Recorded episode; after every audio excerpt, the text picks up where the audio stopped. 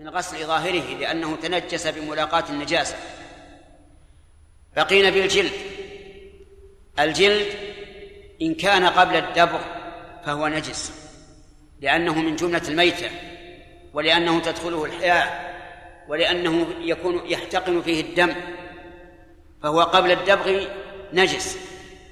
لا يجوز الانتفاع به ولا لا, لا بماء ولا بلبن ولا بدهن ولا بغيره. فإذا دبغ دبغا تاما بحيث يزول تغيره ونتنه فقد اختلف العلماء فيه.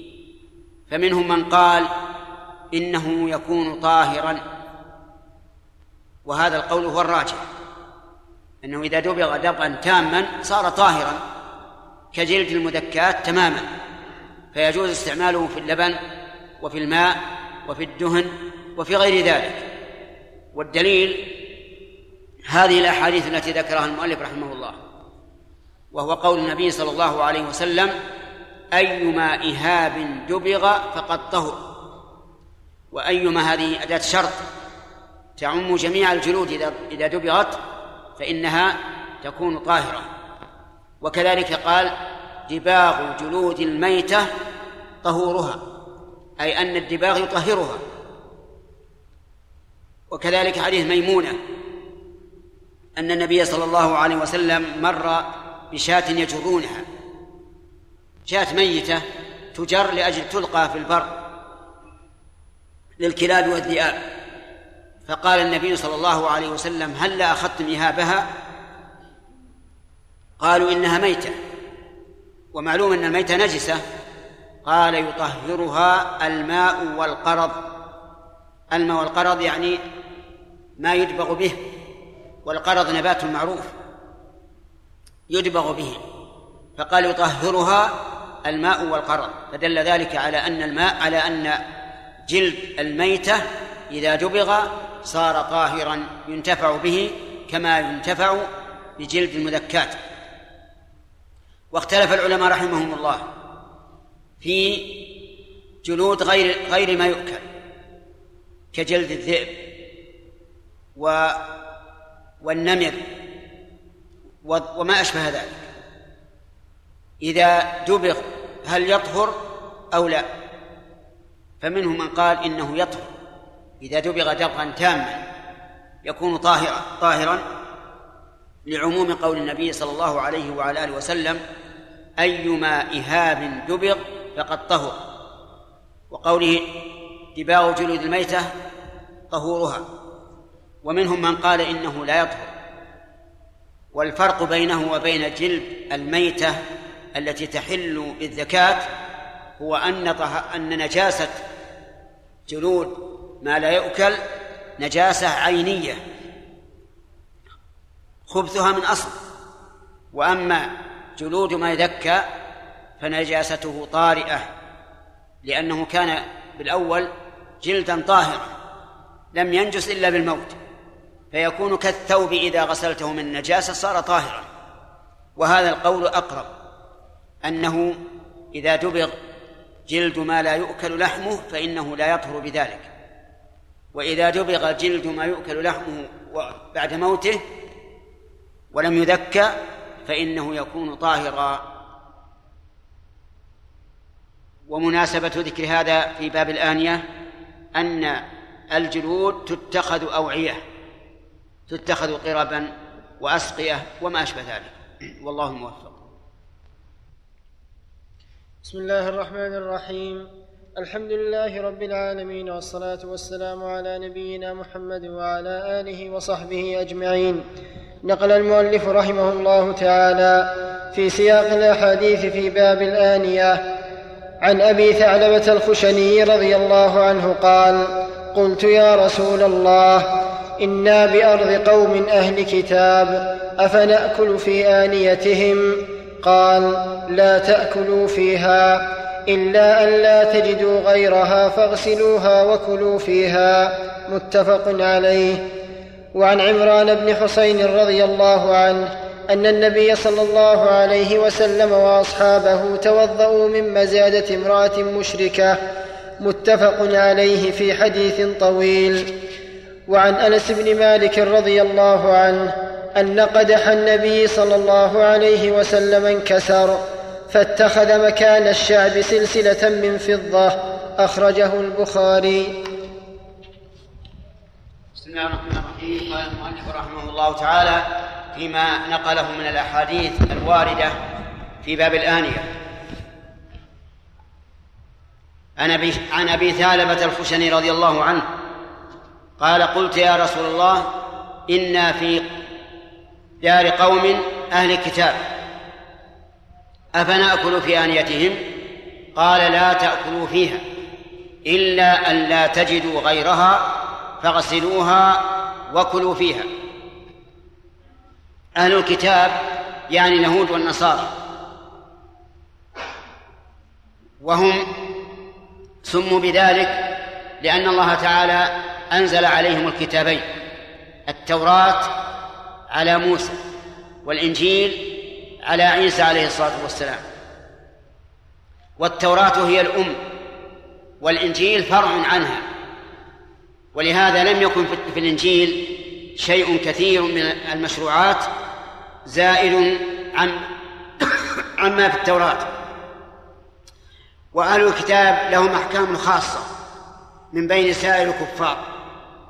منها أن ذبائحهم حلال. يعني أن اليهودي إذا ذبح ذبيحة فهي حلال كما لو ذبحها المسلم تماما وليست مكروهة بل يأكلها الإنسان كما يأكل ذبيحة المسلم. وكذلك النصراني. إذا ذبح ذبيحة فإنها حلال. فإنها حلال كما تحل ذبيحة المسلم. دليل ذلك قول الله تعالى يسألونك ماذا أحل لهم. قل أحل لكم الطيبات وما علمتم من الجوارح مكلبين إلى قوله وطعام الذين أوتوا الكتاب حل لكم وطعامكم حل لهم. قال ابن عباس رضي الله عنهما طعامهم ذبائحهم. ويدل لهذا أن النبي صلى الله عليه وسلم أهدت إليه امرأة من اليهود شاة في في خيبر فأكل منها. ودعاه رجل يهودي في المدينة على خبز شعير وإهالة سنخة الإهالة الودك السنخ الذي تغيرت رائحته. وهذا يدل على أن ذبيحتهم حلال ذبيحة اليهود. وكذلك ذبيحة النصارى حلال أيضا. ثانيا أن أن نساءهم أي نساء اليهود ونساء النصارى حلال للمسلمين. فيجوز للرجل أن يتزوج يهودية أو نصرانية إذا كان مسلما. أما اليهودي والنصراني فلا يحل له أن يتزوج امرأة مسلمة لأن المرأة المسلمة لا تحل للكافر على كل حال.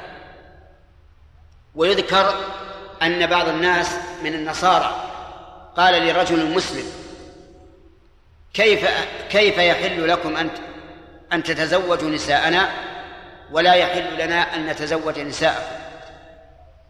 هذا ليس بعدل. العدل على زعمه أنه إذا جاز لكم أيها المسلمون أن تتزوجوا بنسائنا فلنتزوج بنسائكم. فقال له الرجل المسلم نعم نحن نتزوج من نسائكم لأننا نؤمن برسولنا ورسولكم وأما أنتم فتؤمنون برسولكم ولا تؤمنون برسولنا. فحصل الفرق. فألقم حجرا وبهت. على كل حال هذا من أحكام اليهود والنصارى أن نساءهم حلال للمسلمين وليس نساء المسلمين حلالا لأهل الكتاب. ثالثا أن أهل الكتاب تعقد لهم الذمة بمعنى أننا نبقيهم معنا يعيشون في بلادنا ويؤدون الجزية ونحميهم مما نحمي منه أهلنا وندب عنهم ولا نمكن أحدا يعتدي عليه وهل يلحق بذلك سائر الكفار؟ فيه قولان للعلماء والأصح أن جميع الكفار سواء في عقد الذمة كما أنهم سواء في العهد. فإنه يجوز أن نعاهد الكفار إذا دعت الحاجة إلى ذلك ويكون المعاهد معصوم الدم والمال والاعتداء عليه محرم. ولهذا قال النبي عليه الصلاة والسلام من قتل معاهدا لم يرح رائحة الجنة والعياذ بالله. آنية الكفار هل هي حلال لنا أو لا؟ سأل أبو ثعلب الخشني رضي الله عنه رسول الله صلى الله عليه وسلم عن ذلك. قال أنا أكل في آنيتهم يعني في قدورهم وصحونهم وما أشبه ذلك؟ قال لا لا تأكلوا فيها إلا أن لا تجدوا غيرها فاغسلوها وكلوا فيها. وإنما نهى النبي صلى الله عليه وسلم عن ذلك لئلا نختلط بهم ليس لنجاستها. لأنه لو كان للنجاسة لم يكن شرط لم يش لم يشترط أن لا نجد غيرها.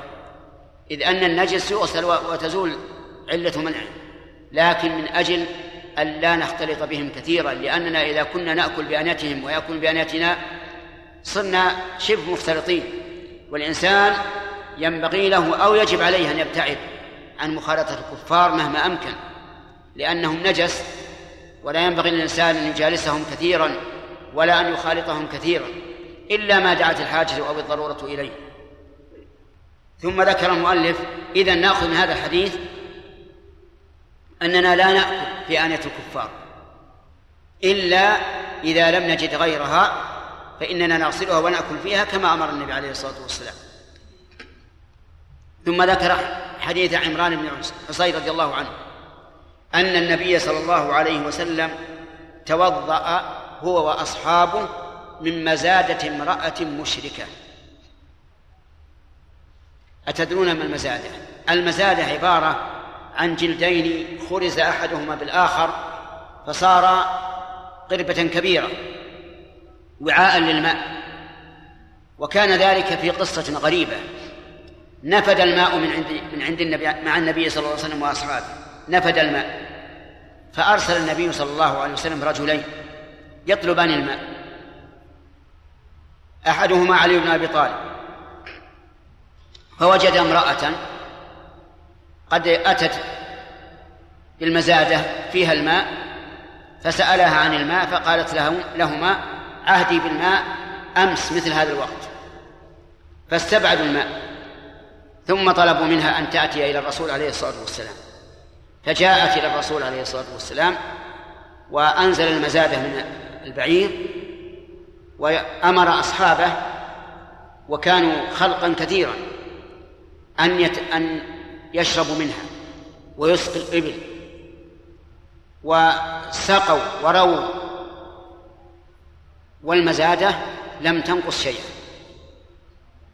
وأعطوها طعاما وتمرا ورجعت إلى قومها رجعت إلى قومها مبهوتة.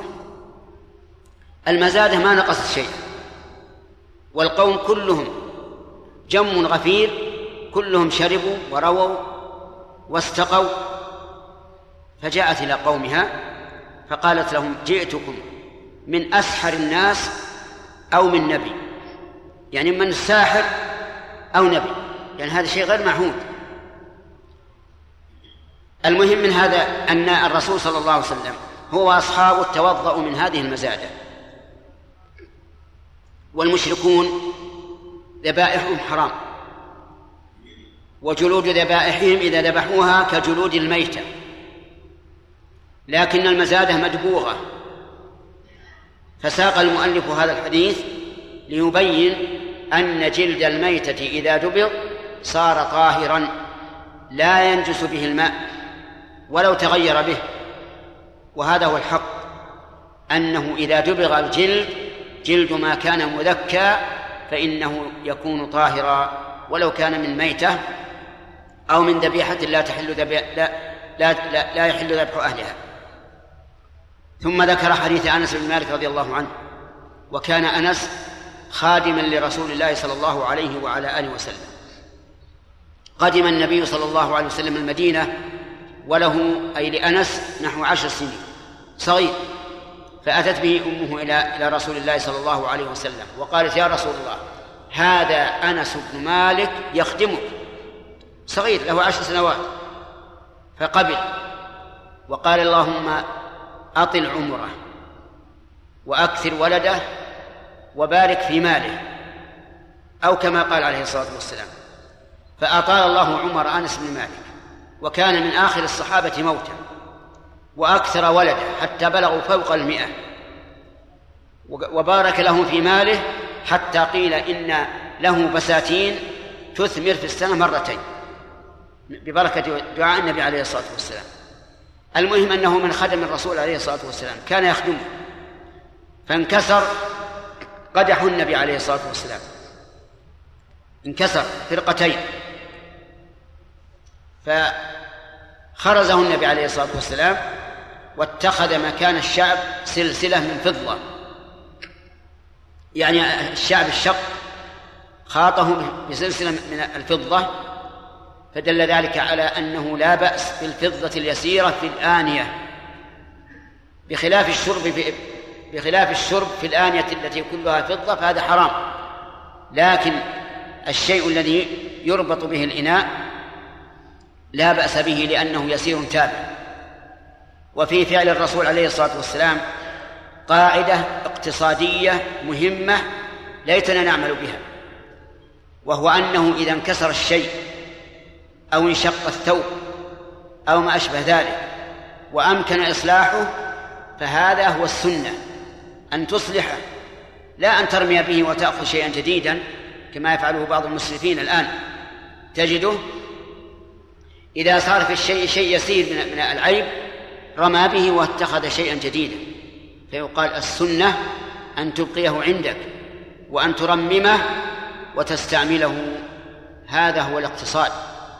وما ما عال من اقتصد. يعني ما افتقر الإنسان إذا كان مقتصدا في رزقه فهذا الحديث أصل في الاقتصاد وهو أنه إذا أمكن إصلاح المال والانتفاع به فإن هذا هو السنة دون أن ترمي به وتدعه. الآن مع الأسف الشديد لو يخرب في السيارة أدنى شيء وهي سيارة بثمن كثير. قال خلاص ما نبغاها. ارمي بها بيعها بنصف الثمن أو أقل واشتري جديدة مع أنه ربما يستقرض أو يتدين ثمنها. نسأل الله العافية والهداية. بل ربما إذا خرج الموديل الجديد ذهب يشتري موديل جديدا وترك الأول مع أنه صالح. وهذا من الإسراف الذي لا يحبه الله عز وجل. والله موفق. نعم.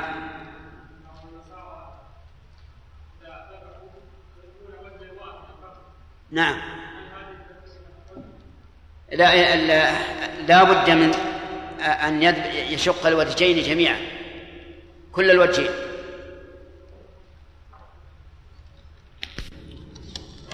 بسم الله الرحمن الرحيم. الحمد لله رب العالمين والصلاة والسلام على نبينا محمد وعلى آله وصحبه أجمعين. قال رحمه الله تعالى باب إزالة النجاسة وبيانها. عن أنس بن مالك رضي الله عنه قال سئل رسول الله صلى الله عليه وسلم عن الخمر تتخذ خلا. قال قال لا. أخرجه مسلم والترمذي وقال حسن صحيح. وعنه رضي الله عنه قال لما كان يوم خيبر أمر رسول الله صلى الله عليه وسلم أبا طلحة فنادى إن الله ورسوله ينهيانكم عن لحوم الحمر الأهلية فإنها رجس. متفق عليه. قال بن حجر رحمه الله في كتابه بلوغ المرام. باب إزالة النجاسة وبيانها. النجاسة هي العين المستقدرة شرعا التي يجب التنزه منها. والأصل في الأشياء الطهارة كما أن الأصل في الأشياء الحل. وهاتان قاعدتان ينبغي للطالب العلم أن يعرفهما ليبني عليهما ما لا يحصى من المسائل. الأصل في الأشياء الحل والأصل فيها الطهارة. فأي شيء يقول لك إنسان إنه حرام فقل له ما الدليل على ذلك؟ وإلا فهو حلال. وأي شيء يقول لك إنه نجس فقل له ما الدليل على ذلك؟ وإلا فإنه طاهر. إلا العبادات فالأصل فيها المنع حتى يقوم دليل على أنها مشروعة. لقول النبي صلى الله عليه وعلى آله وسلم من أحدث في أمرنا هذا ما ليس منه فهو رد. والمراد أمر الدين من أحدث فيه شيئا ليس منه فإنه مردود عليه ولا يقبل منه وهو آثم أيضا. أما غير العبادات من المعاملات والأعيان والمنافع وغيرها فالأصل فيها الحل والأصل فيها الطهارة إلا ما دل الدليل على أنه نجس. ثم قال المؤلف رحمه الله عن أنس بن مالك رضي الله عنه أن النبي صلى الله عليه وسلم سئل عن الخمر تتخذ خلا؟ قال لا. الخمر كل ما أسكر على وجه اللذة فإنه خمر. لأن الخمر شراب إذا شربه الإنسان اشتدت لذته وطرب وسكر. حتى كأنه ملك من الملوك أو وزير من الوزراء كما قال الشاعر الجاهلي ونشربها فتتركنا ملوكا وكما قال حمزة بن عبد المطلب عم رسول الله صلى الله عليه وسلم حين أتاه النبي صلى الله عليه وسلم وهو وهو سكران قبل أن تحرم الخمر فقال له حمزة هل أنتم إلا عبيد أبي؟ قال ذلك وهو سكران.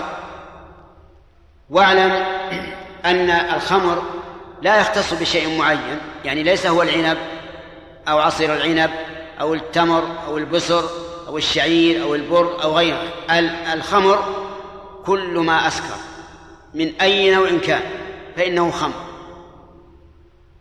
وهو حرام بالكتاب والسنة وإجماع المسلمين. ومن أنكر تحريمه وهو ممن عاش بين المسلمين فإنه مرتد كافر. يباح دمه وماله ويؤمر بالتوبة والإقرار بالتحريم وإلا قتل. ثم اختلف العلماء رحمهم الله. هل هي نجسة كالبول والغائط وروث الحمير وما أشبهها؟ أو هي طاهرة محرمة. وبناء على القاعدة التي ذكرناها آنفا نقول لمن قال إنها نجسة أين الدليل؟ هي حرام لا شك لكن من قال إنها نجسة؟ أين الدليل؟ ليس هناك دليل في الواقع على نجاسة الخمر. غاية ما في ذلك قول الله تعالى يا أيها الذين آمنوا إنما الخمر والميسر والأنصاب والأزلام رجس من عمل الشيطان فاجتنبوه لعلكم تفلحون. والرجس هو النجس. لقول الله تعالى قل لا أجد فيما أوحي إلي محرما على طاعم يطعمه إلا أن يكون ميتة أو دما مسفوحا أو لحم خنزير فإنه رجس أي نجس. ولكن لا دليل في الآية لأن الله تعالى قرن الخمر بالميسر والأنصاب والأزلام. وهذه الثلاثة ليست بنجسة بالاتفاق فما بال الخمر تكون نجسة؟ وهذه الثلاثة التي قلنت معها وجعل الخبر خبرا واحدا عن الجميع ما بالها تكون نجسة؟ وأيضا قال الله تعالى رجس من عمل الشيطان فهي رجس عملي وليس رجسا ذاتيا. وإذا لم يكن هناك دليل فالأصل الطهارة. ثم نقول إن الخمر لما حرمت أراقها المسلمون في أسواق المدينة. ولو كانت نجسة ما أراقوها في الأسواق لأنه لا يجوز للإنسان أن يصب المياه النجسة في في مسالك الناس وطرقهم. وأيضا فإنها لما حرمت لم يأمر النبي صلى الله عليه وسلم بغسل الأواني منها. ولو كانت نجسة لأمرهم بغسل الأواني لأنهم سوف يستعملونها. ولهذا لما حرمت الحمر الأهلية أمر النبي صلى الله عليه وسلم بغسل الأواني منها لأنها نجسة. وأيضا فقد ثبت في صحيح مسلم أن أن رجلا أتى إلى رسول الله صلى الله عليه وعلى آله وسلم ومعه راوية خمر. الراوية قربة كبيرة مملوءة خمرا فأهداها إلى الرسول عليه الصلاة والسلام. لم يعلم أنها حرمت فقال النبي صلى الله عليه وسلم له أما علمت أنها حرمت والحرام لا يجوز قبوله. فأمسك الرجل فساره أحد الصحابة يعني تكلم معه سرا قال له بعها. فقال النبي صلى الله عليه وعلى آله وسلم بما ساررته؟ قال قلت بعها يا رسول الله. فقال إن الله إذا حرم شيئا حرم ثمنه. ومنعه من بيعه. ففتح الرجل فما الراوية وأراق الخمر بحضرة النبي عليه الصلاة والسلام ولم يأمره أن يغسل الراوية ولم ينهه أن أن يصبه في مجلس النبي صلى الله عليه وسلم. فدل هذا على أن الخمر ليست بنجسة وإن كان جمهور العلماء يرون أنها نجسة لكن إن تنازعتم في شيء فردوه إلى الله والرسول. وما اختلفتم فيه من شيء فحكمه إلى الله. فالصواب أنها ليست نجسة لكنها لا شك في تحريمها. وبناء على ذلك ما يوجد الآن من الأطياب التي يقال إن فيها نسبة كبيرة من من الكحول ليست بنجسة. حتى لو رشها الإنسان على ثوبه فله أن يصلي فيه. لكن لا شك أن تجنبها أولى. لعموم قوله تعالى فاجتنبوه. لكننا لا نحرمها لاحتمال أن يكون المراد بقوله تعالى فاجتنبوه أي اجتنبوا شربه بدليل التعليل وهو قوله إنما يريد الشيطان أن يوقع بينكم العداوة والبغضاء في الخمر والميسر وهذا لا لا يصير بمجرد استعمالها رشا أو دهنا. لكن الإنسان يحتاط فلا يستعمل هذه هذه العطور التي فيها كحول إلا عند الحاجة كأن يعقم بها جرحا أو ما أشبه ذلك. ولكن إذا تخمر شيء من الأشياء وصار خمرا هل يجوز أن نجعله خلا بأن نصب عليه شيئا يزيل تخمره أو لا؟ في هذا الحديث الذي ذكره المؤلف دليل على أنه لا لا يخلل. وعلامة الخمر أنه يغلي. يعني مثلا لو أن الإنسان حط جعل عصيرا من من عنب ومضى عليه أيام حارة فإنك تراه يطيش ويعلو. هذا دليل على أنه الآن صار خمرا. ربما يصب عليه مادة تجعله يهبط وتزول آه، ويزول إسكار. فهل هذا جائز أو لا؟ الجواب كما في هذا الحديث أنه لا يجوز. لكن ماذا نصنع بها؟ تراق تراق في السوق وتهدم. وأتى المؤلف رحمه الله في هذا الحديث وأتى المؤلف رحمه الله بهذا الحديث في باب إزالة النجاسة وبيانها اتباعا لأكثر العلماء الذين قالوا إن الخمر نجسة والصواب كما سمعتم وفهمتم من التقرير أنها ليست بنجسة نجاسة حسية. والله أعلم.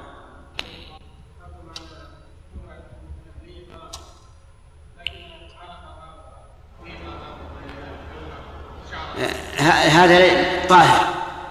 طاهر وسيأتي إن شاء الله الكلام عليه في الدرس المقبل لأن الحديث ما اشرحناه نقل المؤلف رحمه الله تعالى في سياق الأحاديث في باب إزالة النجاسة وبيانها. عن أنس بن مالك رضي الله عنه قال لما كان يوم خيبر أمر رسول الله صلى الله عليه وسلم أبا طلحة فنادى إن الله ورسوله ينهيانكم عن لحوم الحمر الأهلية فإنها رجس متفق عليه. وعن عمرو بن خارجة رضي الله عنه قال خطبنا النبي صلى الله عليه وسلم بمنى وهو على راحلته ولعابها يسيل على كتفي أخرجه أحمد والترمذي وصححه.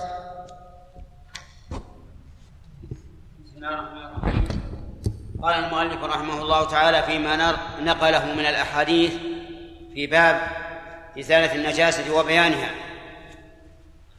عن أنس بن مالك رضي الله عنه أن النبي صلى الله عليه وسلم أمر أبا طلحة يوم خيبر لما كان يوم خيبر أمر أبا طلحة رضي الله عنه فنادى إن الله ورسوله ينهيانكم عن لحوم الحمر الأهلية فإنها رجس.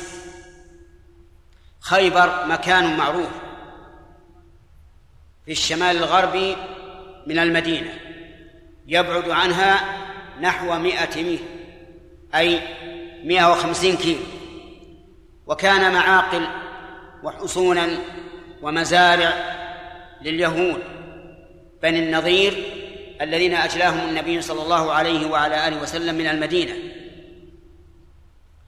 فتحها النبي صلى الله عليه وسلم عنوة وقسم أرضها بين المجاهدين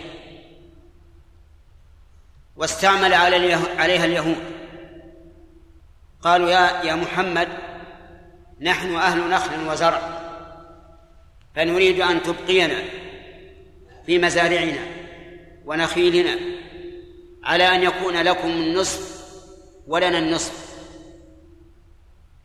فأقرهم النبي صلى الله عليه وسلم على ذلك وقال نقركم على ذلك ما شئنا أو قال ما شاء الله. وبقوا يحرثون ويزرعون ويقاسمهم المسلمون الثمرة والزرع. فإن النبي صلى الله عليه وسلم عامل أهل خيبر بشطر ما يخرج منها من ثمر أو زرع. وبقوا ما شاء الله ثم نكثوا العهد في عهد أمير المؤمنين عمر بن الخطاب رضي الله عنه فأجلاهم أجلاهم من خيبر إلى أذرعات نحو الشام. خيبر غزوة معروفة من أراد أن يتوسع فيها فليرجع إلى كتب التاريخ. المهم أن الحمر الأهلية المعروفة التي تركب الآن كانت في الأول حلالا. يأكلها الناس ويركبونها ويشربون ألبانها كالإبل تماما.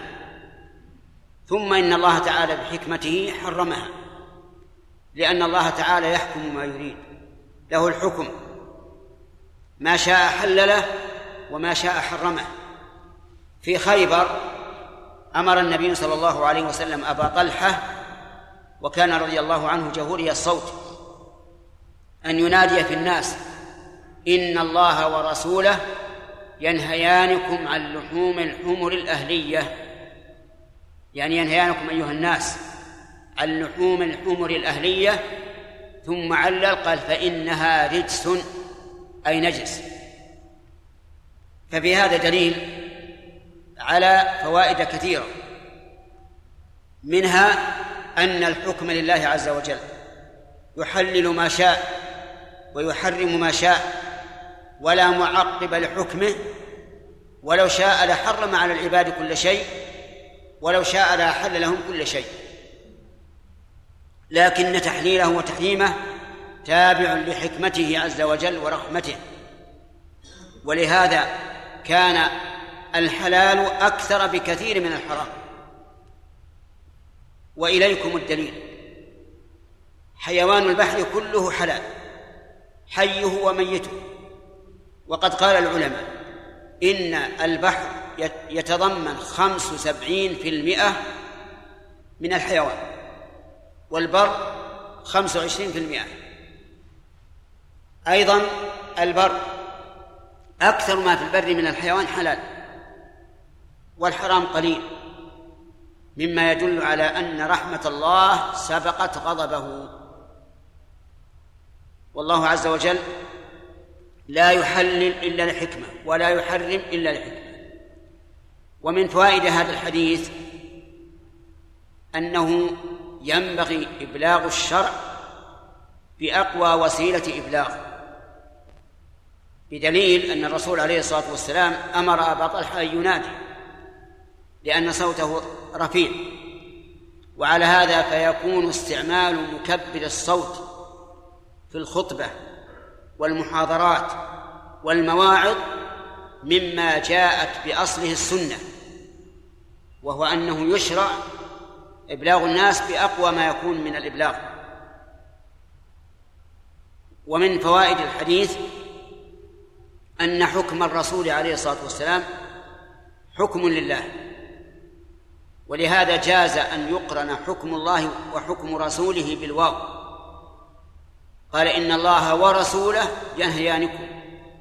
ولم يقل إن الله ثم رسوله. لأن حكم الرسول حكم لله عز وجل. قال الله تعالى من يطع الرسول فقد أطاع الله. وقال تعالى ومن يعص الله ورسوله فقد ضل ضلالا مبينا. ولم يقل ثم رسوله. وقال تعالى يحلفون بالله لكم يرضوكم والله ورسوله أحق أن يرضوه. وقال تعالى ولو أنهم رضوا ما آتاهم الله ورسوله. والآيات في هذا كثيرة. تدل على أن إشراك الله والرسول بالواو في المسائل الشرعية لا بأس به. أما في المسائل الكونية في الأمور الكونية أما في الأمور الكونية فلا. لا يمكن أن يشرك الله والرسول بالواو. ولهذا لما جاء لما قال رجل يخاطب النبي صلى الله عليه وسلم ما شاء الله وشئت. قال أجعلتني لله ندا أنكر عليه. ليقول ما شاء الله ثم شئت. فيفرق بين الأمور الكونية والأمور الشرعية. ومن فوائد هذا الحديث أن الأصل في النهي التحريم. لأن قول رسول لأن أمر النبي عليه الصلاة والسلام أبا طلحة أن ينادي إن الله ورسوله ينهيانكم ينهيانكم من أجل المنع. ولهذا امتنع الصحابة من ذلك. حتى إن القدور لتفور باللحم لحم الحمر فأمر النبي عليه الصلاة والسلام بإراقتها وإتلافها. حتى إنه أمر أولا بكسر القدور ثم قالوا يا رسول الله أو نغسلها؟ قال أو اغسلوها. ومن فوائد هذا الحديث جواز التوكيل في إبلاغ العلم. يعني أنه يجوز لك أن أن تقول لشخص اذهب إلى هؤلاء القوم وقل لهم إن فلانا يقول هذا حرام أو هذا حلال مما أحل الله أو حرم الله.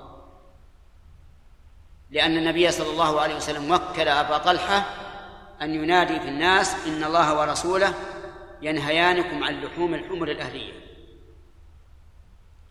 ومن فوائد الحديث أن كلمة اللحوم تشمل جميع الأجزاء اللحم والشحم والعصب والكبد والكرش والأمعاء وما أشبه ذلك كل شيء. وعلى هذا فنقول إن أمر النبي صلى الله عليه وسلم بالوضوء من لحم الإبل يشمل جميع أجزاء اللحم من الشحم والأمعاء والكرش والرئة والقلب والكبد وغير ذلك.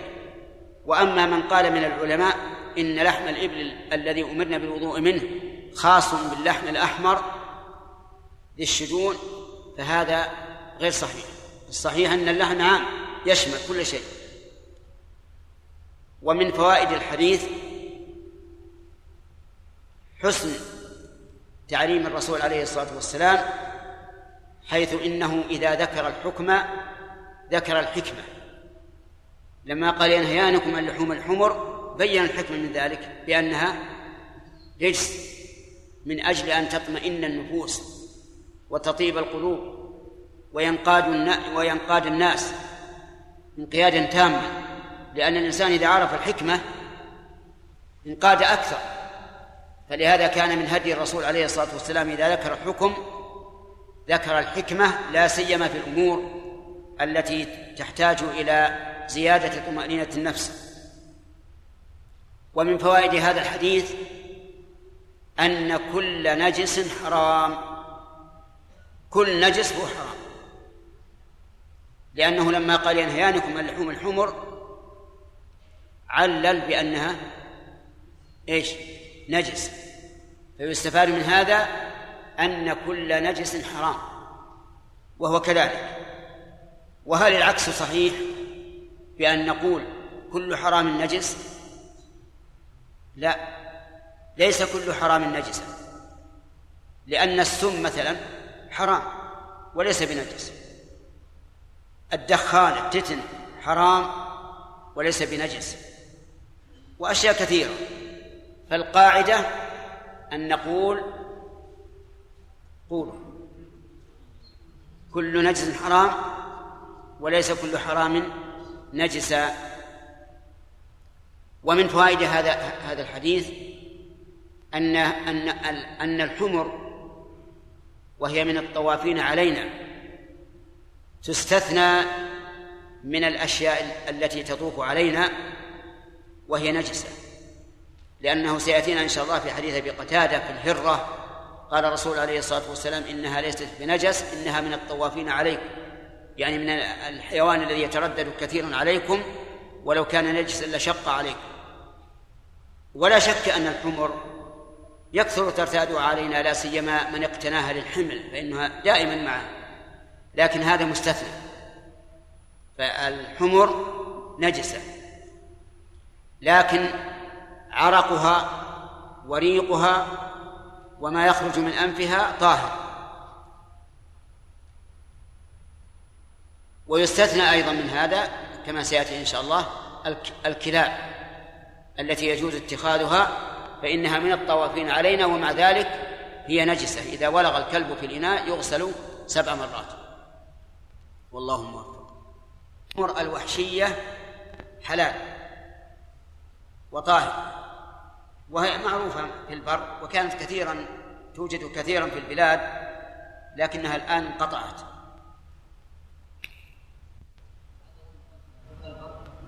ما هي موجودة الآن؟ ما هي موجودة؟ ما هي الأهلية؟ نعم نعم. إيه. على ما هي عليه؟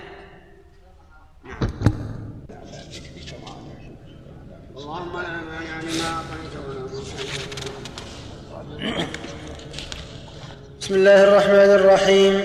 الحمد لله رب العالمين والصلاة والسلام على نبينا محمد وعلى آله وصحبه أجمعين.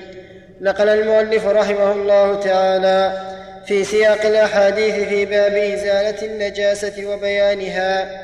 عن عمرو بن خارجه رضي الله عنه قال خطبنا النبي صلى الله عليه وسلم بمنى وهو على راحلته ولعابها يسيل على كتفي أخرجه أحمد والترمذي وصححه.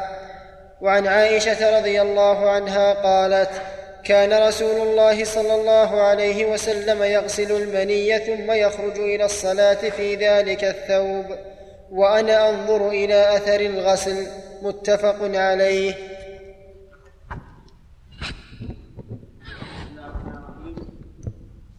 ساق المؤلف ابن حجر رحمه الله في كتابه بلوغ المرام في باب إزالة النجاسة وبيانها. حديث عمرو بن خارجه رضي الله عنه قال خطبنا رسول الله صلى الله عليه وسلم بمنى وهو على راحلته ولعابها يسيل على كتفه. الخطبة هي تذكير الناس بموعظة أو أحكام شرعية أو أمر بمعروف أو نهي عن منكر أو ما أشبه ذلك. وكانت خطب النبي صلى الله عليه وسلم على ثلاثة أقسام. قسم دائمة مستمرة مشروعة لا بد منها وذلك خطب الجمعة. فإن خطبتي الجمعة لا بد منها حتى إن الفقهاء رحمهم الله يقولون إن الجمعة لا تصح بدون الخطبتين. وهذه تعتبر من شروط صحة صلاة الجمعة.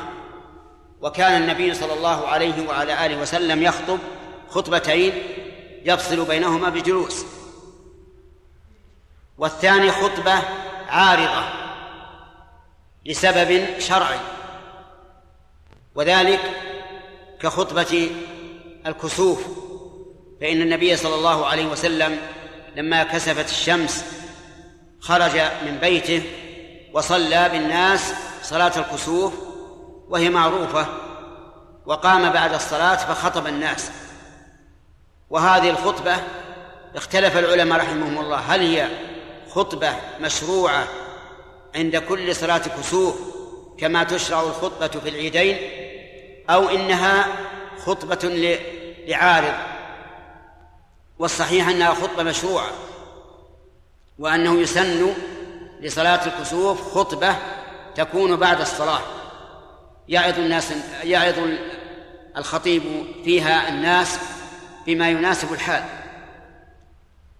والنوع الثالث من خطبه خطب لها أسباب غير شرعية يعني غير مربوطة بشيء من الأمور الشرعية لكن يحدث حادث فيقوم النبي صلى الله عليه وسلم فيخطب الناس. مثل خطبته صلى الله عليه وسلم في قصة بريرة. لما كاتبت أهلها وجاءت تستعين عائشة رضي الله عنها فقال النبي صلى الله عليه وسلم خذيها واشترط عليهم الولاء. فأبوا إلا أن يكون لهم الولاء. ولكن النبي صلى الله عليه وسلم قال خذيها فأخذتها ثم قام فخطب الناس وقال ما بال أقوام يشترطون شروطا ليست في كتاب الله ما كان من شرط ليس في كتاب الله فهو باطل وإن كان مئة شرط وفي لفظ وإن شرط مئة مرة. ولها يعني نظائر. ومن ذلك خطب النبي صلى الله عليه وسلم في حجة الوداع. فقد خطب عليه الصلاة والسلام في عرفة وخطب في منى يوم العيد وفي أوسط أيام التشريق. فخطب الناس في منى على راحلته عليه الصلاة والسلام. وكان عمرو بن خارجة حول الراحلة ولعابها يعني ما يسيل من فمها يسيل على كتف عمرو بن خارجة. ففي هذا الحديث فوائد.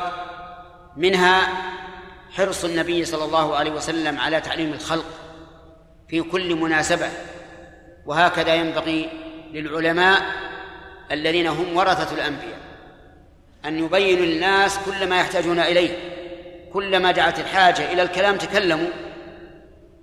ومنها جواز الخطبة على الراحلة.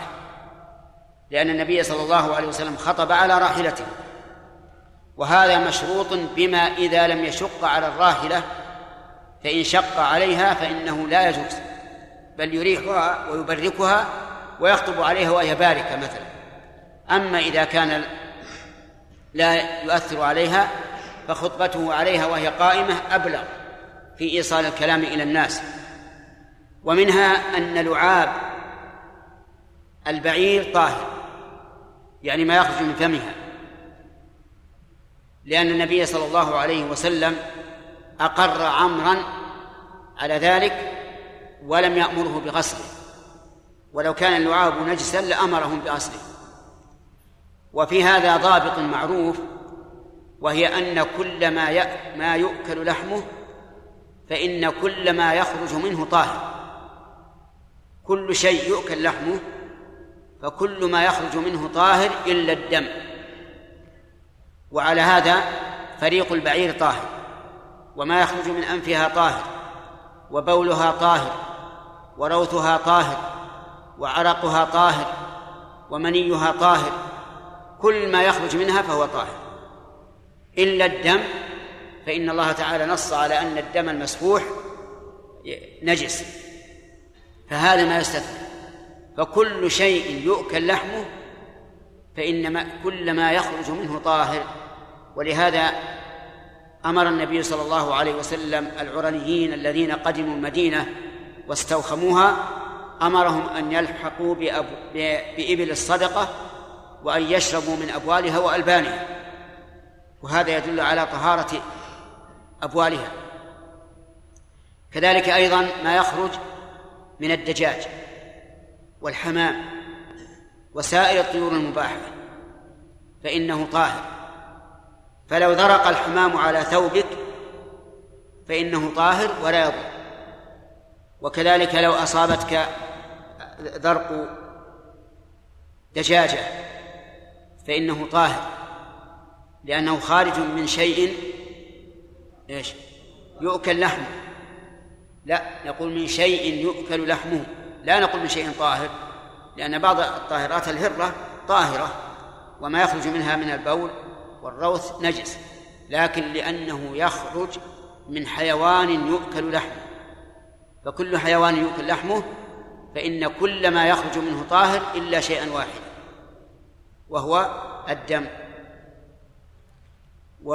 وفي هذا دليل على أنه كلما ارتفع الخطيب وتبين فإنه أكمل لأنه يسمع أكثر ولأن الناس إذا رأوا المتكلم كان ذلك أشد لاتباعه والاستماع إليه.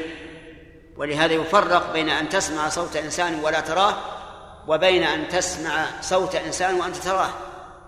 فالثاني أشد انتباها. وقد روي عن عن الصحابة رضي الله عنهم أن النبي صلى الله عليه وسلم كان إذا خطب استقبلوه بوجوههم لأجل, لأجل أن يجتمع لهم السماع والمشاهدة. والله موفق.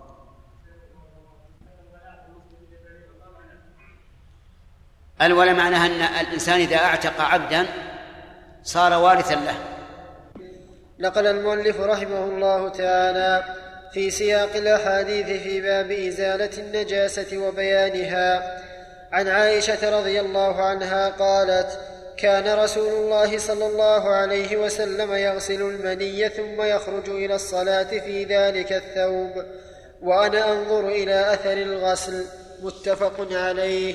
ولمسلم لقد كنت أفركه من ثوب رسول الله صلى الله عليه وسلم فركا فيصلي فيه. وفي لفظ له لقد كنت أحكه يابسا بظفري من ثوبه. وعن, وعن أبي السمح رضي الله عنه قال قال رسول الله صلى الله عليه وسلم يغسل من بول الجارية ويرش من بول الغلام. أخرجه أبو داود والنسائي وصححه الحاكم.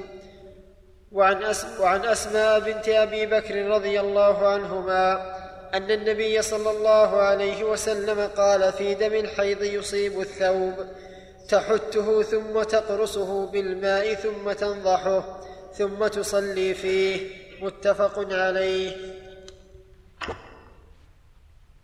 بسم الله الرحمن الرحيم. نقل الحافظ ابن حجر رحمه الله في كتابه بلوغ المرام في باب إزالة النجاسة وبيانها عن عائشة رضي الله عنها أن أنها كانت تغسل المني من ثوب رسول الله صلى الله عليه وسلم فيخرج إلى الصلاة وإن بقع الماء في ثوبه. وفي لفظ كانت تحته من ثوب النبي صلى الله عليه وسلم وفي لفظ كانت تحكه يابسا بظفرها من ثوبه. ففي هذا الحديث بيان حكم المني. والمني هو الماء الذي يخرج من الإنسان دفقا بشهوة وهو الذي يخلق منه الإنسان. كما قال الله تبارك وتعالى فلينظر الإنسان مما خلق خلق من ماء دافق يخرج من بين الصلب والترائب. هذا الماء الدافق على حسب ما جاء في حديث عائشة رضي الله عنها بجميع ألفاظه طاهر كما هو مقتضى هذه الأحاديث. لكن إن كان رطبا فإن الإنسان يغسله حتى يذهب لأن بقاءه على الثوب فيه شيء من الاستقدار وإن كان يابسا فإنه يحكه بظفره حتى يزول. وبهذا نعرف أن مني الإنسان طاهر. إن غسله الإنسان دفعا لتشويه المنظر إذا كان رطبا أو حكه بظفره إذا كان يابسا فهو خير وإلا فلا حرج عليه. قال العلماء والخارج من ذكر الإنسان أربعة أشياء البول والمذي والمني والودي. أربعة أشياء. أما البول فظاهر وهو من فضلات الطعام والشراب وهو نجس كالعذرة ويغسل حتى يطهر المحل. إن كان أرضا فإنه يكفي أن أن يصب على محل البول ماء يغمر البول. وإن كان ثوبا فيكفي أن يغسله مرتين أو ثلاثا حتى يزول أثره. وإن كان إناء فيكفي أن يغسله أيضا حتى يزول الأثر وليس لذلك عدد معين لكن الغالب أنه لا يطهر بأقل من ثلاث أما المذي فهو ماء رقيق يخرج عقب الشهوة بدون أن يحس المرء به. يعني إذا ثارت شهوة الإنسان ثم بردت يحس برطوبة. هذه الرطوبة تسمى مذيا أو مذيا. هذه ليست بولا ولا منيا بل هي وسط بينهما. ولذلك ليست كالبول في وجوب الغسل وليست كالمني في الطهارة بل يكفي أن يغمره أن يغمره الإنسان بالماء بدون فرق. وبدون عصر.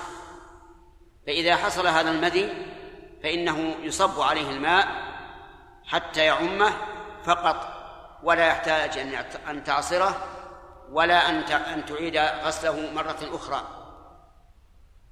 لأنه في الحقيقة آه، عين بين طرفين بين البول النجس وبين المني الطاهر. وهذه من حكمة الله عز وجل. ولا وليس المذي ما يخرج من بعض الناس لمرض في قنوات البول لأن بعض الناس يكون عنده خارج إما دائم وإما في أكثر الأحيان من غير شهوة. يظن بعض الناس مذي ولهذا إذا سأل يقول ما تقول في المذي مثلا؟ وهذا ليس بمذي المذي لا بد أن يتقدمه شهوة. أما الودي فإنه الماء الأبيض الذي يخرج عقيب البول.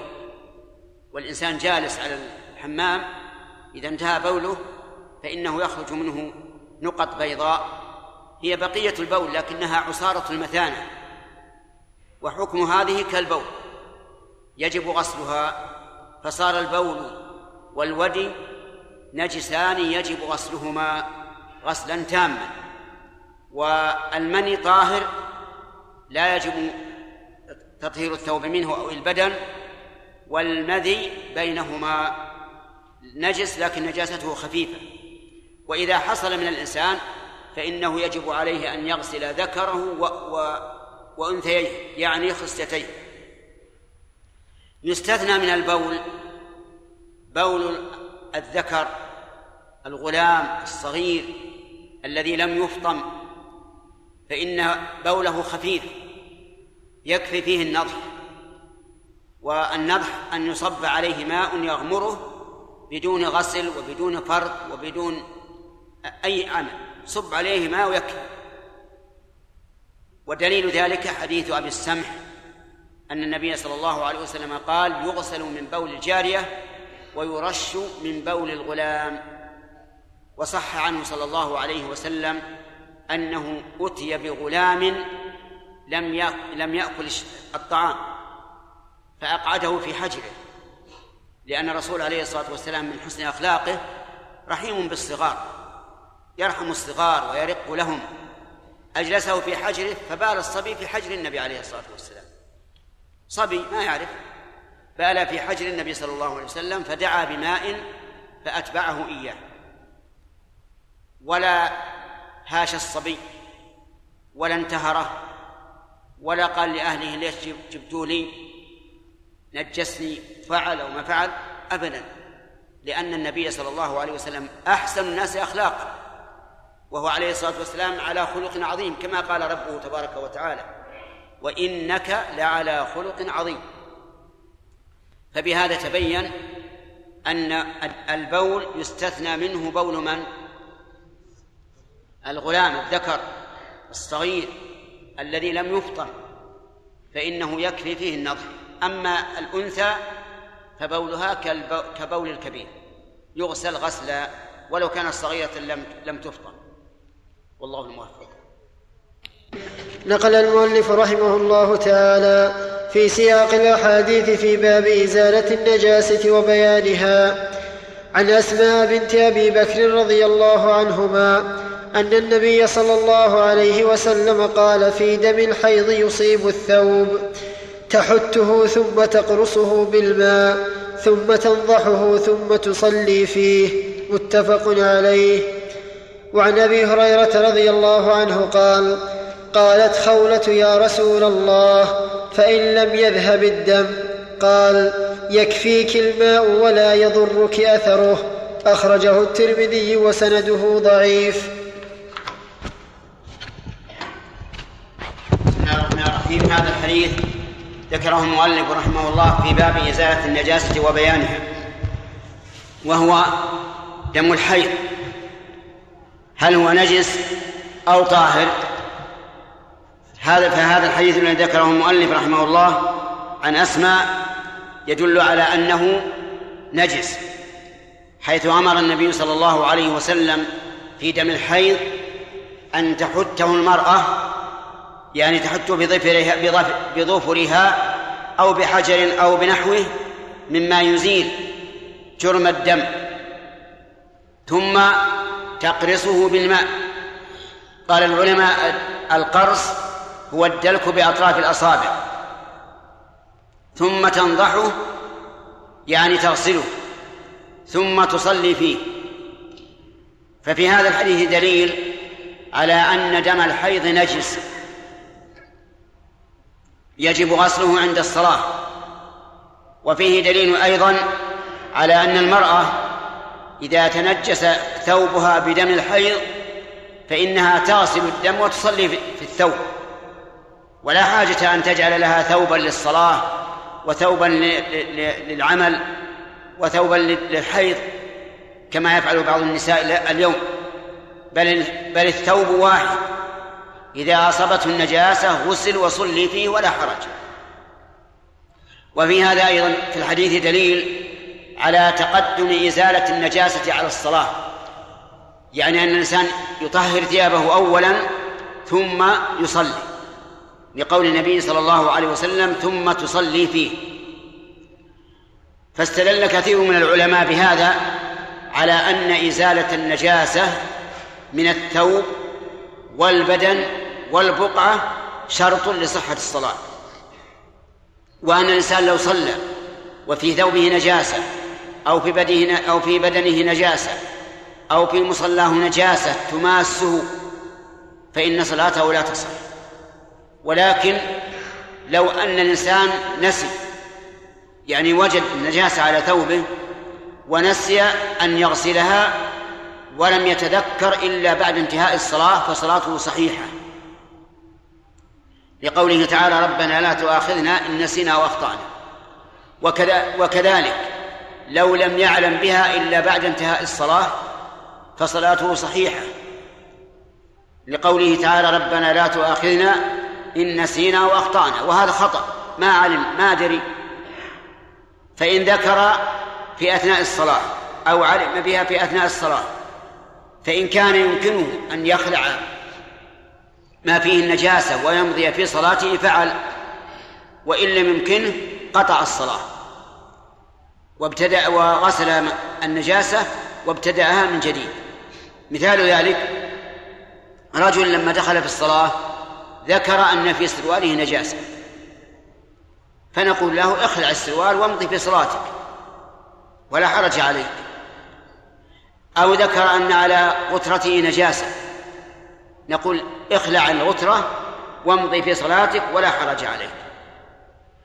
ودليل ذلك أن النبي صلى الله عليه وسلم كان يصلي بأصحابه ذات يوم فخلع عليه فخلع الصحابة نعاله. فلما انصرف من الصلاة سألهم ما بالكم خلعتم النعال؟ قالوا يا رسول الله رأيناك خلعتنا عليك فخلعنا نعالنا.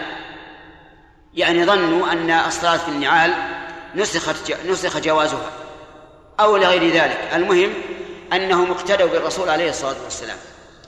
فقال لهم إنه أتاني جبريل آنفا فأخبرني أن فيهما قدرا فخلعتهما. فدل ذلك على أن الإنسان إذا علم بالنجاسة في أثناء الصلاة وأمكنه أن يزيل ما فيه النجاسة ويمضي في صلاته فعل. وكذلك لو لم يذكر إلا إلا بعد أن شرع في الصلاة ثم ذكر فإنه يزيل ما أصابته النجاسة ويمضي في صلاته. أما لو كانت النجاسة على الثوب وليس على الإنسان ثوب سواه وذكر أن فيه نجاسة في أثناء الصلاة فهنا لا بد أن ينصرف ويقطع الصلاة. لأنه لا يمكن يخلع ثوبه لو خلعه لبقي عاريا. فنقول الآن انصرف من صلاتك واغسل الثوب وابتدئ الصلاة من جديد. وأما حديث أبي هريرة عن خولة أن النبي صلى الله عليه وسلم أنها قالت يا رسول الله فإن لم يذهب الدم قال يكفيك الماء ولا يضرك أثره. فالحديث كما قال المؤلف ضعيف لكن معناه صحيح. يعني لو أن الإنسان غسل الدم وذهب الدم. وصار آخر غسلة من الماء لم تتغير بالدم. لكن بقي اللون فاللون لا يضر.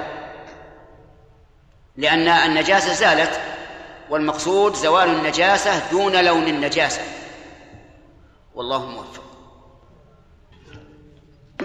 قال رحمه الله تعالى باب الوضوء. عن أبي هريرة رضي الله عنه عن رسول الله صلى الله عليه وسلم أنه قال لولا أن أشق على أمتي لأمرتهم بالسواك مع كل وضوء. أخرجه مالك وأحمد والنسائي وصححه ابن خزيمة وذكره البخاري تعليقا. وعن حمران أن عثمان دعا بوضوء فغسل كفيه ثلاث مرات ثم تمضمض واستنشق واستنثر ثم غسل وجهه ثلاث مرات ثم غسل يده اليمنى إلى المرفق ثلاث مرات ثم اليسرى مثل ذلك ثم مسح برأسه ثم غسل رجله اليمنى إلى الكعبين ثلاث مرات ثم اليسرى مثل ذلك ثم قال رأيت رسول الله صلى الله عليه وسلم توضأ نحو نحو وضوئي هذا متفق عليه. قال المؤلف رحمه الله تعالى في كتابه بلوغ المرام باب الوضوء. الوضوء هو التعبد لله عز وجل بتطهير الأعضاء الأربعة الوجه واليدين والرأس والرجلين فهو عبادة من أجل العبادات. ولهذا رتب النبي صلى الله عليه وسلم عليه مغفرة الذنوب. وأخبر أن الإنسان كلما توضأ خرجت خطايا أعضائه مع آخر قطرة من الماء. وأن من توضأ كما توضأ صلى الله عليه وسلم ثم صلى ركعتين لا يحدث فيهما نفسه غفر الله له ما تقدم من ذنبه. فهو عبادة. ينبغي للإنسان إذا أراد أن يتوضأ أن ينوي امتثال أمر الله. لأن الله أمر بذلك فقال يا أيها الذين آمنوا إذا قمتم إلى الصلاة فاغسلوا وجوهكم إلى آخره. وأن يشعر أنه متاس برسول الله صلى الله عليه وعلى آله وسلم. فإن النبي صلى الله عليه وسلم توضأ كما جاء في القرآن. والوضوء شرط لصحة الصلاة. لا يقبل الله صلاة بغير وضوء. فإن لم يجد ماء فليتيمم كما سيأتي إن شاء الله تعالى في التيمم. وللوضوء صفتان صفة مجزئة وصفة كاملة.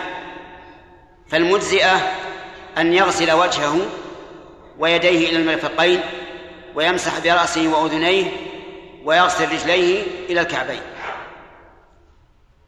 مرة واحدة. والكامل سنذكره إن شاء الله تعالى كما جاء في حديث عثمان رضي الله عنه. ذكر المؤلف الحديث الأول عن أبي هريرة رضي الله عنه أن النبي صلى الله عليه وسلم قال لولا أن أشق على أمتي لأمرتهم بالسواك مع كل وضوء.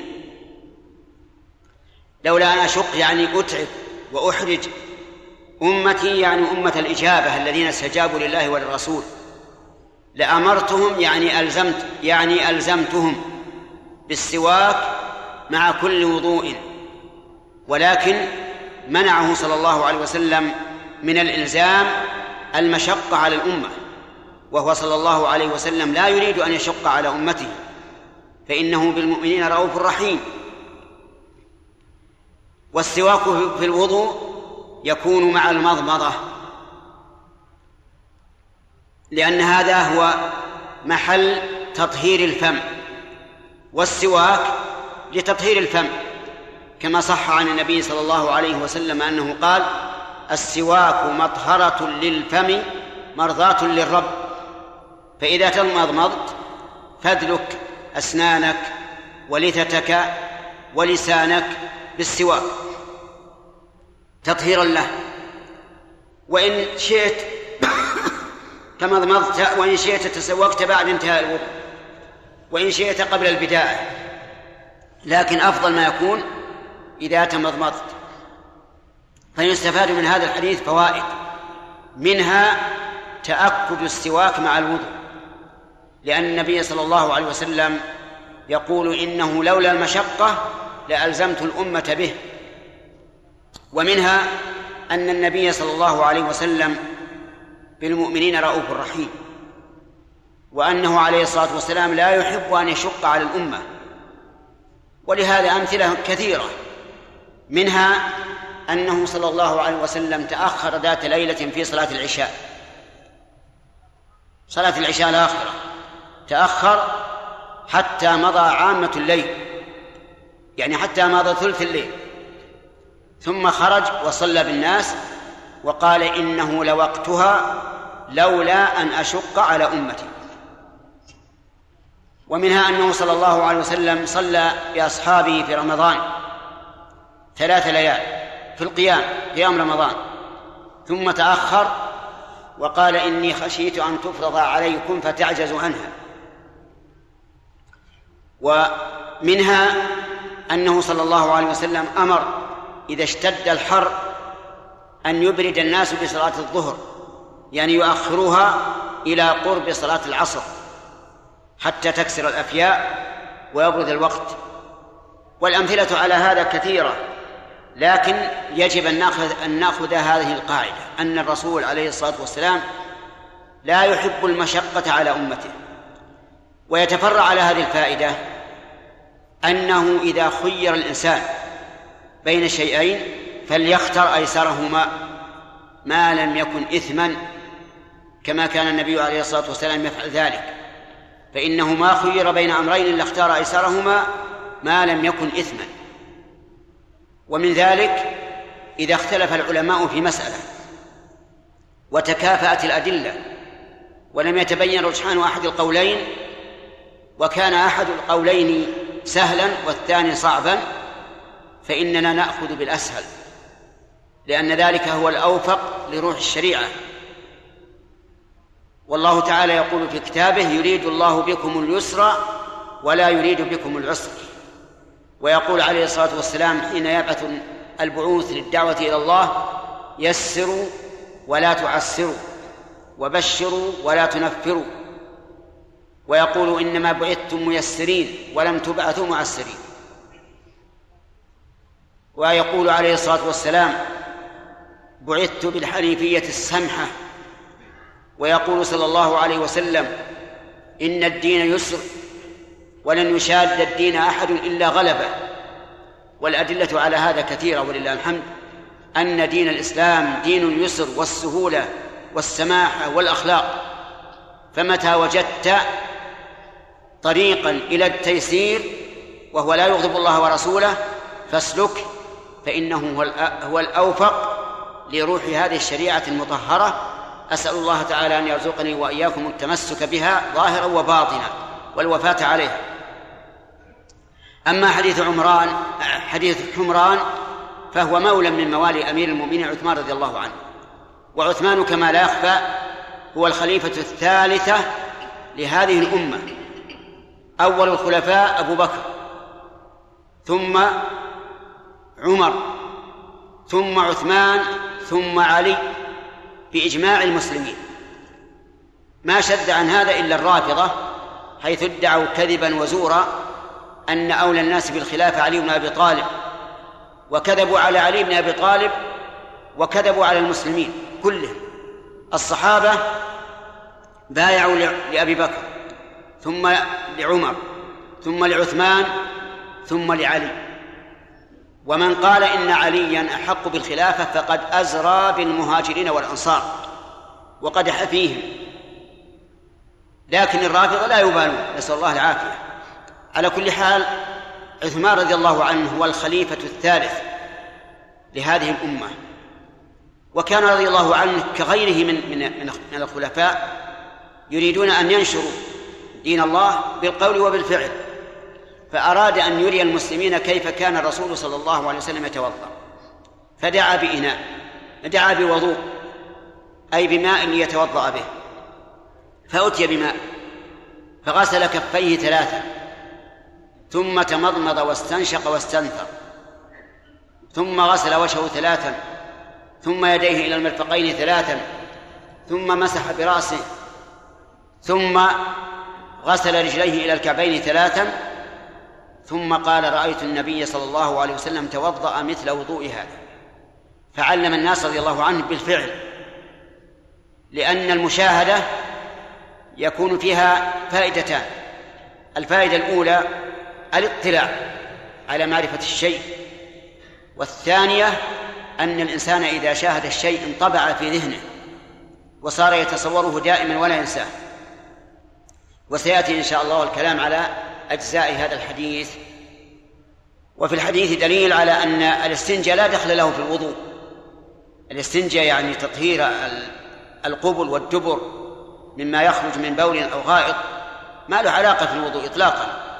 إنما هو إزالة نجاسة متى أزلتها ولم تعد مرة ثانية فلا حاجة للاستنجاء عند الوضوء لأنه لا علاقة له به. والله الموفق. ياتي إن شاء الله. نقل المؤلف رحمه الله تعالى في سياق الأحاديث في باب الوضوء عن حمران أن عثمان دعا بوضوء فغسل كفيه ثلاث مرات ثم تمضمض واستنشق واستنثر ثم غسل وجهه ثلاث مرات ثم غسل يده اليمنى إلى المرفق ثلاث مرات ثم اليسرى مثل ذلك ثم مسح برأسه ثم غسل رجله اليمنى إلى الكعبين ثلاث مرات ثم اليسرى مثل ذلك ثم قال رأيت رسول الله صلى الله عليه وسلم توضأ نحو وضوئي هذا متفق عليه.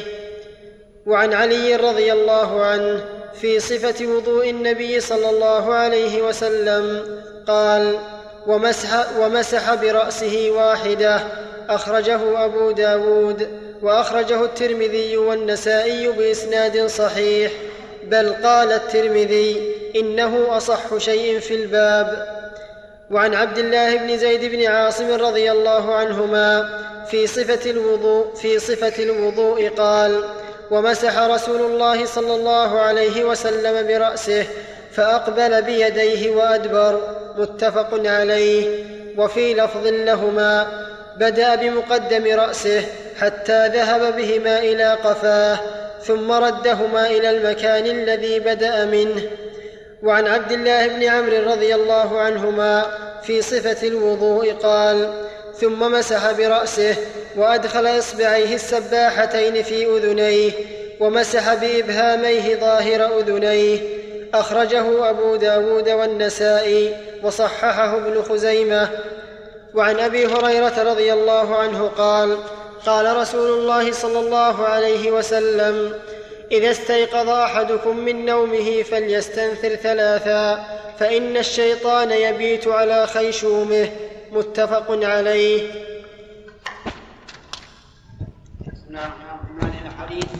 في كيفية صفة الوضوء وذلك أن الوضوء عبادة من العبادات يثاب عليه الإنسان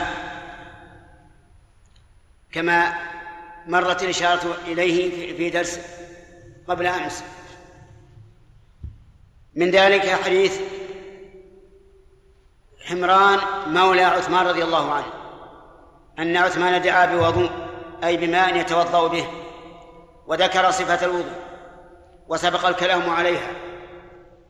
وفيه من, الأدلة وفيه من الفوائد تواضع الصحابة رضي الله عنهم حيث تواضع الخليفة الراشد عثمان رضي الله عنه فدعا بماء وتوضأ والناس ينظرون حتى يري الناس تطبيق الوضوء فعلا. وفي حديث علي وما بعده عبد الله بن زيد دليل على أن الأفضل أن يتوضأ ثلاثا ثلاثا يغسل وجهه ثلاثا ويديه إلى المرفقين ثلاثا ويستنشق ويستنثر ثلاثا ويمسح ويغسل رجليه ثلاثا. ويمسح برأسه وأذنيه لكن الرأس لا يمسح إلا مرة فقط. وكيفية المسح الأفضل أن يمر يديه من مقدم الرأس إلى قفاه ثم يردهما. ولا ولا يكرر. وكذلك مسح الأذنين. يدخل السباحتين وهما ما بين الوسطى والإبهام في الصماخين في الثقب الذي في وسط الأذن ويمسح بإبهاميه ظاهر أذن أذنيه وظاهرهما هو الذي يلي الرأس. هذه هي الصفة المستحبة والأفضل. ولو أن الإنسان اقتصر على غسل وجهه ثلاثا نعم ولو أن الإنسان اغتسل اقتصر على غسل وجهه مرة والمضمضة مرة والاستنشاق مرة وغسل اليدين إلى المرفقين مرة ومسح الرأس مرة والأذنين وغسل الرجلين مرة لكفى. لأن هذا هو الذي ذكره في القرآن. واعلم أنه يكره للإنسان أن يزيد على ثلاث. بل بعض العلماء يقول إنه حرام لأن النبي صلى الله عليه وسلم توضأ مرة مرة ومرتين مرتين وثلاثا ثلاثا وقال من زاد على ذلك فقد أساء وتعدى وظلم. وكذلك أيضا يكره أن يغسل الإنسان رأسه بدلا عن مسحه. يعني لو قال قائم متنطع بدل من المسح بغسل الغسل أنظف قلنا هذا بدعة. وأنت للإثم أقرب منك إلى السلام. حتى أن بعض العلماء يقول لو غسل رأسه بدلا من مسحه لم يجزئه. لقول النبي صلى الله عليه وسلم من عمل عملا ليس عليه امرنا فهو رد. وفي كيفية الوضوء دليل على رحمة الله تعالى وحكمته. انظر الرأس يمسح ولا يغسل. لماذا؟ لأنك لو غسلت الرأس لنزل الماء إلى الكتفين وإلى الصدر وإلى الظهر ولا سيما إن كان الإنسان رأسه كثير الشعر فإنه يتألم ويتأذى في أيام الشتاء. فمن رحمة الله أنه جعل الرأس لا يغسل وإنما يمسح مسحا. والله موفق.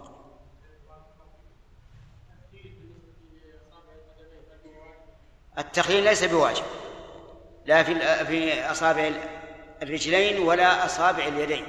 إذا علمت أن الماء وصل إلى ما بينها أو غلب على ظنك فإن لم تعلم بأن تكون الأصابع متلاصقة لأن بعض الناس تكون أصابعه متلاصقة تلاصقا تاما تحتاج إلى تحريك فهنا لا بد من التخليل. نقل المؤلف رحمه الله تعالى في سياق الأحاديث في باب الوضوء.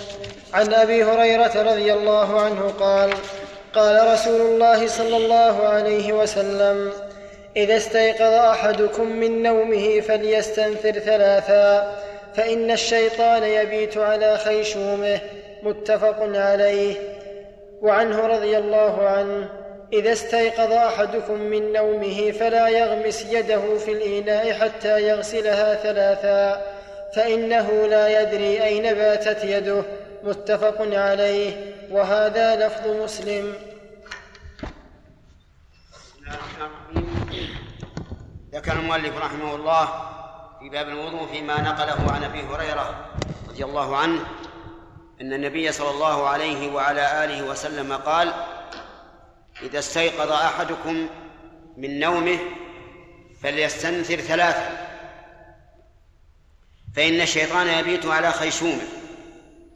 قوله صلى الله عليه وسلم إذا استيقظ من نومه هذا عام يشمل نوم الليل ونوم النهار ولكن قوله فإن الشيطان يبيت على خيشومه يدل على أن المراد بالنوم هنا نوم الليل لأن البيتوتة لا تكون إلا في الليل. وعلى كل حال فإن الله تعالى قد يسلط الشيطان على بني آدم. فإذا نام بات الشيطان على خيشومه. بإذن الله عز وجل. فأمر النبي صلى الله عليه وسلم بالاستنثار وهو أن تستنشق الماء ثم تستنثره ثلاث مرات. تطهيرا للخيشوم من أثر الشيطان. وهذا التسليط من الله عز وجل له حكمة لكننا لا نعلم ما هي. إلا أننا نعلم أن الله لم يسلطه على بني آدم إلا لحكمة. وهذا الاستنثار غير استنثار الوضوء. الوضوء يكون في أعمال الوضوء. الاستنثار في الوضوء يكون في أعمال الوضوء. لكن هذا استنثار خاص. حتى لو فرض أن الإنسان في البر وليس عنده ماء ويريد أن يتيمم بدل الوضوء نقول استنثر ثلاثا لهذه الحكمة. إن الشيطان يبيت على خيشوم أما حديث أبي هريرة الثاني فهو أن النبي صلى الله عليه وسلم أرشد الأمة إلى أن الإنسان إذا قام من النوم وأراد أن يتوضأ أن لا يغمس يده في الإناء حتى يغسلها ثلاثة. وكانوا في عهد الرسول عليه الصلاة والسلام ليس عندهم صنابير ماء يعني ليس عندهم بزابيس إنما هي أواني توضع فيها المياه ويتوضأ منها ويغتسل منها. والإنسان لا بد له أن يغمس يده فنهى الرسول عليه الصلاة والسلام أن يغمس الرجل يده حتى يغسلها ثلاثا وبين الحكمة من ذلك في قوله فإن أحدكم لا يدري أين باتت يده. والمراد أنه قد يكون الشيطان عبث بها وألقى فيها أوساخا أو ما أشبه ذلك وهو لا يدري. وإلا فمن المعلوم أن كل واحد يعلم أن يده في فراشه لم تنفصل منه. لكن مراده أنه لا يدري ماذا حصل لهذه اليد فيكون هذا التعليل شبيها بالتعليل السابق في الاستنثار. إن الشيطان يبيت على الخيشوم فهنا ربما يسلط الإنسان على النائم ويضع في ايديه أشياء ملوثة ضارة فلهذا نهي أن يغمس يده في الإناء حتى يصلها ثلاثة. ولكن لو غمسها نقول له إذا غمستها قبل أن تغسلها ثلاثا فاستغفر الله وتب إلى الله ولا تعد لما نهاك عنه الرسول عليه الصلاة والسلام. أما الماء فإنه باق على طهوريته لا يتأثر بشيء لأن النبي صلى الله عليه وسلم هنا لم يتعرض للماء لم يتعرض للماء اطلاقا. لا قال إنه يكون طاهرا طهورا ولا أنه نجس. وعلى هذا فيبقى على ما كان عليه وهو أنه طهور. والله موفق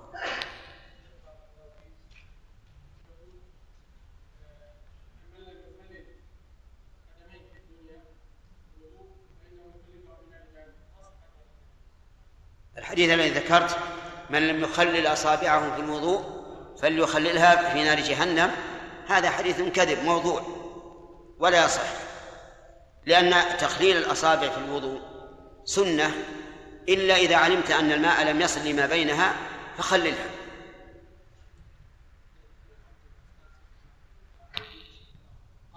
نعم نعم ولو ذكر. به أجمعين. نقل المؤلف رحمه الله تعالى في سياق الأحاديث في باب الوضوء.